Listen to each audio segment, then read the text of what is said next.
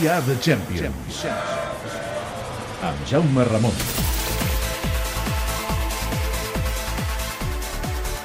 Jaume Ramon, què tal? Ben tornat al Tot Gira. Molt bé, moltes gràcies i moltes ganes de tornar a sentir aquesta musiqueta. Ara, Mira, saps que hem, hem anat fent obres una, una mica al Tot Gira, aquest cap de setmana tornaven algunes seccions, algunes han fet algun canvi en les sintonies, però la We Are The Champions l'hem volgut deixar igual perquè és impossible de superar. És un clàssic, és un clàssic. No, és aquesta versió de la cançó de la Champions, una mica reversionada, remasteritzada, eh? Exacte. I m'agrada molt. Molt bé, uh, farem com sempre, com cada any, com cada temporada, fa uns quants anys que ho fem amb el Jaume, abans ho havíem fet amb l'Àlex Castells fa unes quantes temporades, una revisió uh, en, en, amb una cara, diguem-ne, amb un prisma una mica diferent de la jornada de la Champions. Sempre que hi hagi jornada de Champions, al cap de setmana anterior, amb el Jaume, eh, ens miren també com, com, a, com s'afronta aquesta jornada. I comencem parlant d'un nou vingut, d'un nou vingut per això que té molta història de la Champions. L'aperitiu.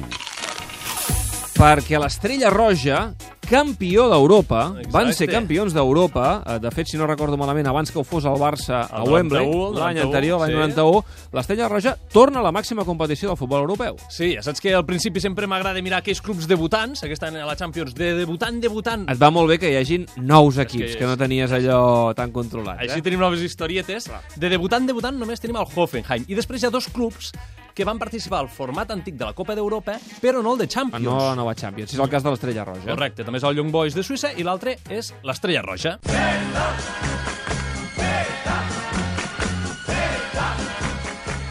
És l'himne de l'Estrella Roja? Aquest és l'himne de l'Estrella Roja. Sembla una cançó de Guateque, eh? Sí, sí, sí, és- anys és molt 60, marxós. 70. Aquí és més solemne. Curiós. Aquest és l'himne mític d'aquest club de Belgrat. És el club amb més títols de Sèrbia, amb 27 lligues, 22 copes i també té una Copa d'Europa, que com deies no van guanyar fa molts, molts anys ni moltes dècades. Estem parlant del 1991. A més, aquell any també van arribar a guanyar la Copa Intercontinental, però després va venir una de les pitjors crisis de la seva història, també relacionat amb el conflicte que va obrir Iugoslàvia, i des de llavors no han participat mai a l'actual fase de la Champions, que va començar el 92. Li va passar una mica el que li va passar en bàsquet a la jugoplàstica. Correcte. Grans equips, tant de futbol com de bàsquet, Sí. la Guerra dels Balcans eh, s'ho va carregar. es van desintegrar. Eh, a més, tornen a la Champions per la porta gran amb un grup on veuran dels millors equips de futbol d'Europa, Nàpols, PSG i Liverpool.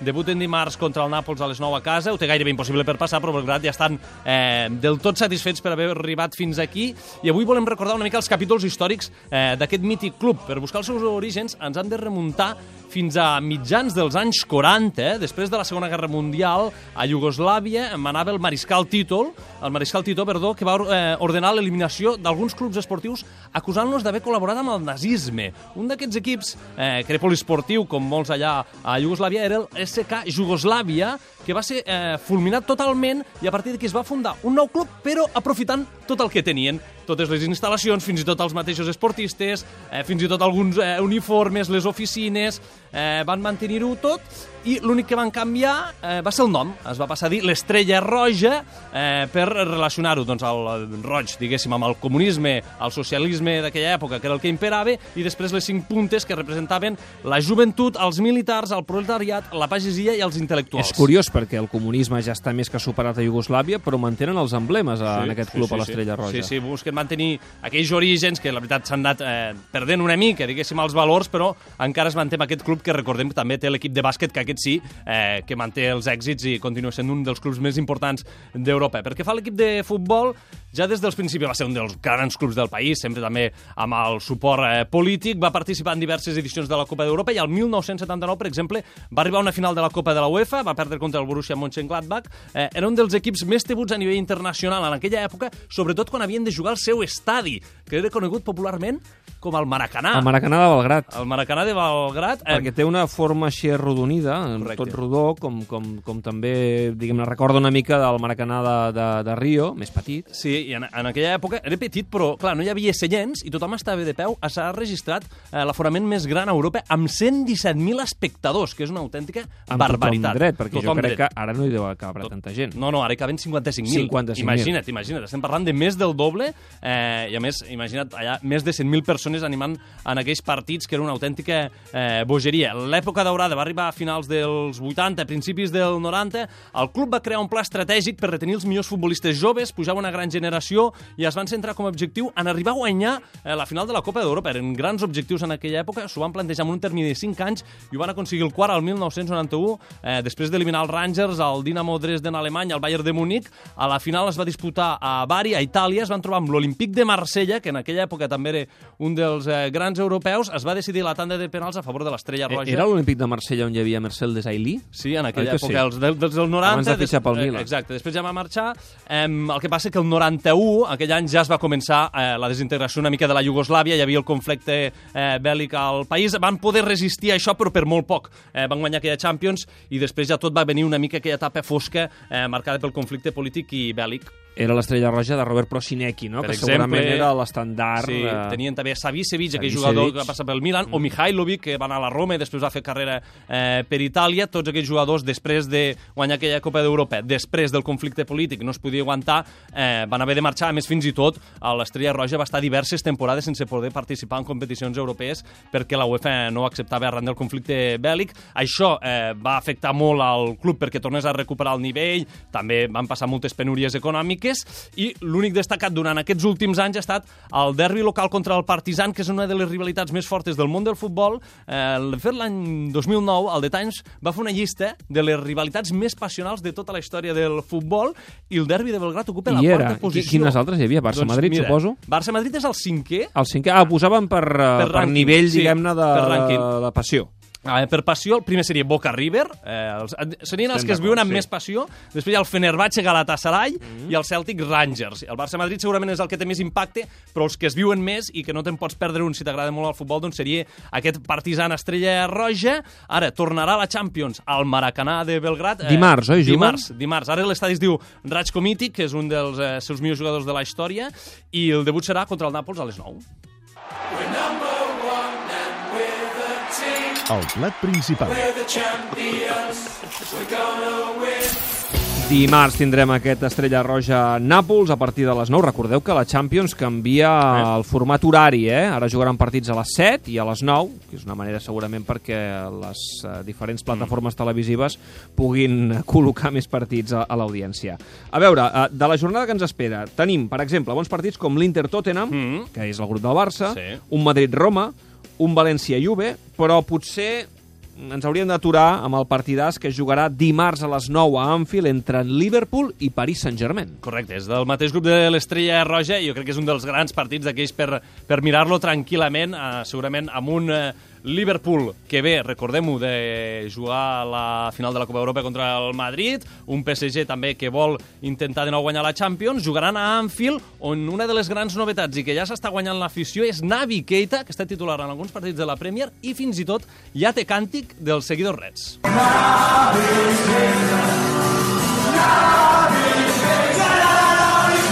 No, la bamba.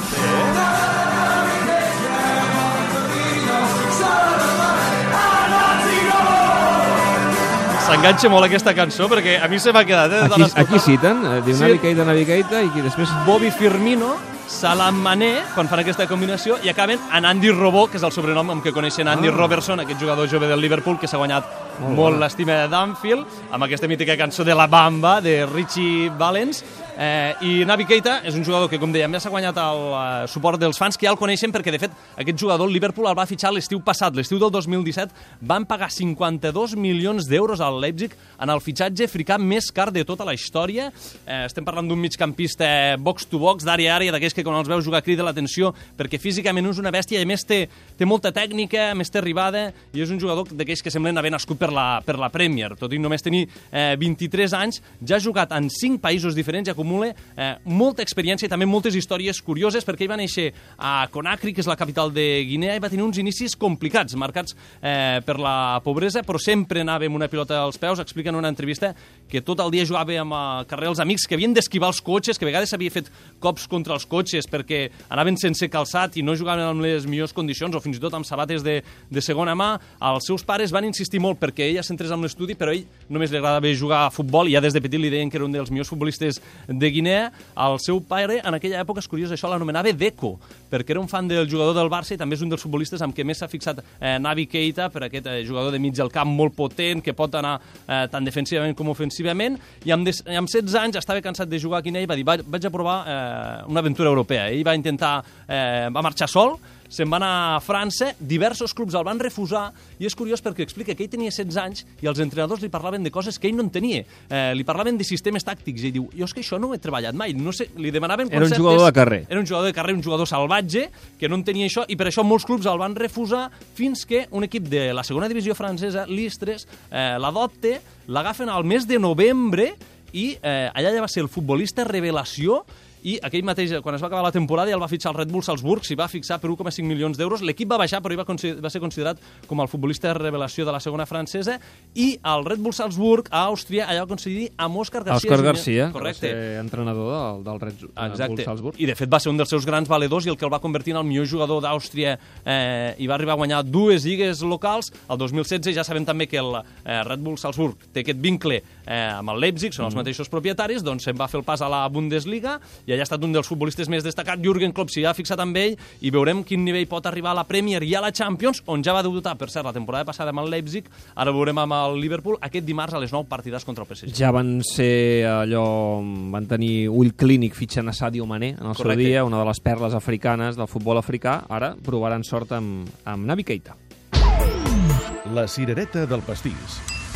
I avui eh, ens volem fixar amb aquest jugador que ja sabeu, eh, pràcticament tot l'estiu n'hem estat parlant, Frenkie de Jong, un dels jugadors pretesos eh, pel Barça per reforçar el mig del camp, la gran perla holandesa que l'haurem en aquesta Champions. Sí, torna l'Ajax després de tres temporades sense fer-ho i tothom parla d'aquest Frenkie de Jong, 21 anys que ha debutat de fet amb aquesta aturada internacional amb la selecció holandesa. Molts el comparen amb Sergio Busquets o fins i tot també amb Franz Beckenbauer, és un jugador amb molta planta que crida molt l'atenció i que eh, l'Ajax ha fet tot el possible per retenir-lo. Eh, tornen a la Champions després de 3 anys, volen tornar a guanyar l'Eredivisie perquè també fa molt temps que no ho aconsegueixin i a la Champions tindran un grup, l'Ajax, relativament assequible. Té el Bayern de Munic, que segurament és el favorit a primer de grup, però després Benfica i AEK Atenes, l'Ajax des del 2006 que no passe a vuitens. Vull dir, li costa molt eh, superar. Han fet aquesta temporada fitxatges importants de jugadors de la Premier, com per exemple Delay Blind del Manchester United o Dusan Tadic,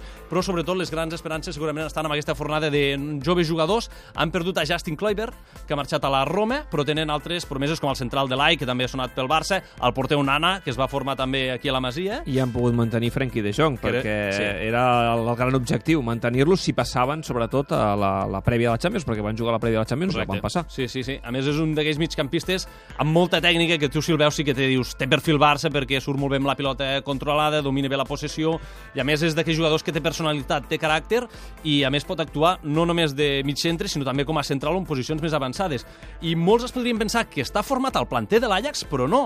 Eh, ell va néixer el 1997 a Arkel, que és un petit poble del sud d'Holanda, de poc més de 3.000 habitants, i allà el va caçar al planter de l'equip més gran que hi ha a prop d'aquesta ciutat, que és el Willem II, i ja va debutar a primera divisió al maig del 2015, quan estava a punt de complir els 18 anys. L'Ajax sí que és veritat que li anava al darrere des de feia temps, el van fitxar aquell estiu i el van tornar a cedir al Willem II, després va estar al filial de l'Ajax i no va ser fins la temporada passada quan va debutar al futbol professional, és a dir, ell no va ser titular fins l'any passat, tampoc és un jugador amb molt recorregut, recordo una mica també amb el cas de, de Dembélé, i va ser un dels puntals perquè finalment l'Ajax acabés la temporada passada a segona l'Eredivis davant del darrere del PSV, eh, i és un jugador que eh, també ha debutat, com dèiem, amb la selecció holandesa. Aquesta aturada internacional sota les ordres de Ronald Koeman, eh, nou seleccionador eh, d'Holanda que han jugat contra Perú i França, i parlava així de bé de Frenkie de Jong aquesta setmana.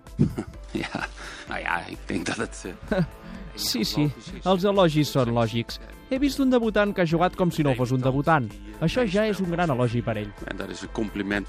Va parlar bé de que fos com un veterà, autènticament eh, Frenkie de Jong, que destacava sobretot aquest caràcter, va fer un gran partit contra França, no sembla que tingui eh, 21 anys, a més també en parlen meravelles d'ell fora de la gespa, mai genera problemes, sempre ajuda l'equip, això també eh, el recorda una mica amb les comparacions amb Sergio Busquets, de crear bon ambient de vestidor, i a més ha estat buscant en una entrevista que li van fer fa uns anys, i reconeix que és un enamorat del Barça, que també ha estat de vacances aquí a Catalunya, sempre que pot s'escape per anar a veure un partit al Camp Nou, Ah. i em va cridar l'atenció que tenia una samarreta de Messi però amb el dorsal 30. Això estem parlant? Que ets un fanàtic de Messi, perquè... Home, eh, dorsal 30 això hauria ser quan Messi debuta amb el primer equip, però perquè encara és jugador del Correcte, filial. Sí, sí. Va ser dues temporades, eh, l'última va ser la 2005-2006, Sí. que llavors ja va ser quan va començar a jugar a la Champions. Sí.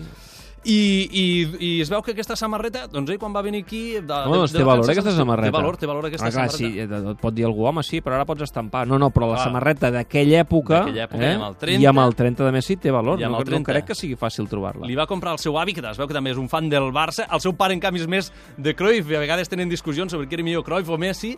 Eh, I és un jugador que sent molt al Barça, diu que mira tots els partits, que no se'n perd ni un des de fa molts anys. I eh, ara té l'oportunitat de ser protagonista en aquesta Champions, potser per cridar encara més l'atenció del Barça, que és un dels jugadors d'aquells marcats a l'agenda. Eh? Quan debuta De Jong amb l'Ajax? Dimecres, amb aquest horari de quan faltin eh, 5 minuts per les 7 de la tarda, Sí, mira, jo he dit a les 7, però de fet És l'horari oficial és 18.55. Correcte, eh? és una mica estrany, però pel temes publicitaris... Ajax AEK. Correcte. Ajax. AEK. Uh, tenim 16 partits aquesta setmana Molta que ve. feina. Eh? 8 el dimarts, 8 el dimecres i repartits amb aquests dos horaris. Uh, les 18.55 i les Sí. 20.55. Un eh? grup juga a les 18.55 i els altres 3 juguen a les 9. Molt bé. 9 o 20.55? 9, 9. 9, nou, eh? nou, nou. 18.55 I nou. i, 20, i 9 de la nit. Correcte. Perfecte. Gràcies, Jaume. A reveure.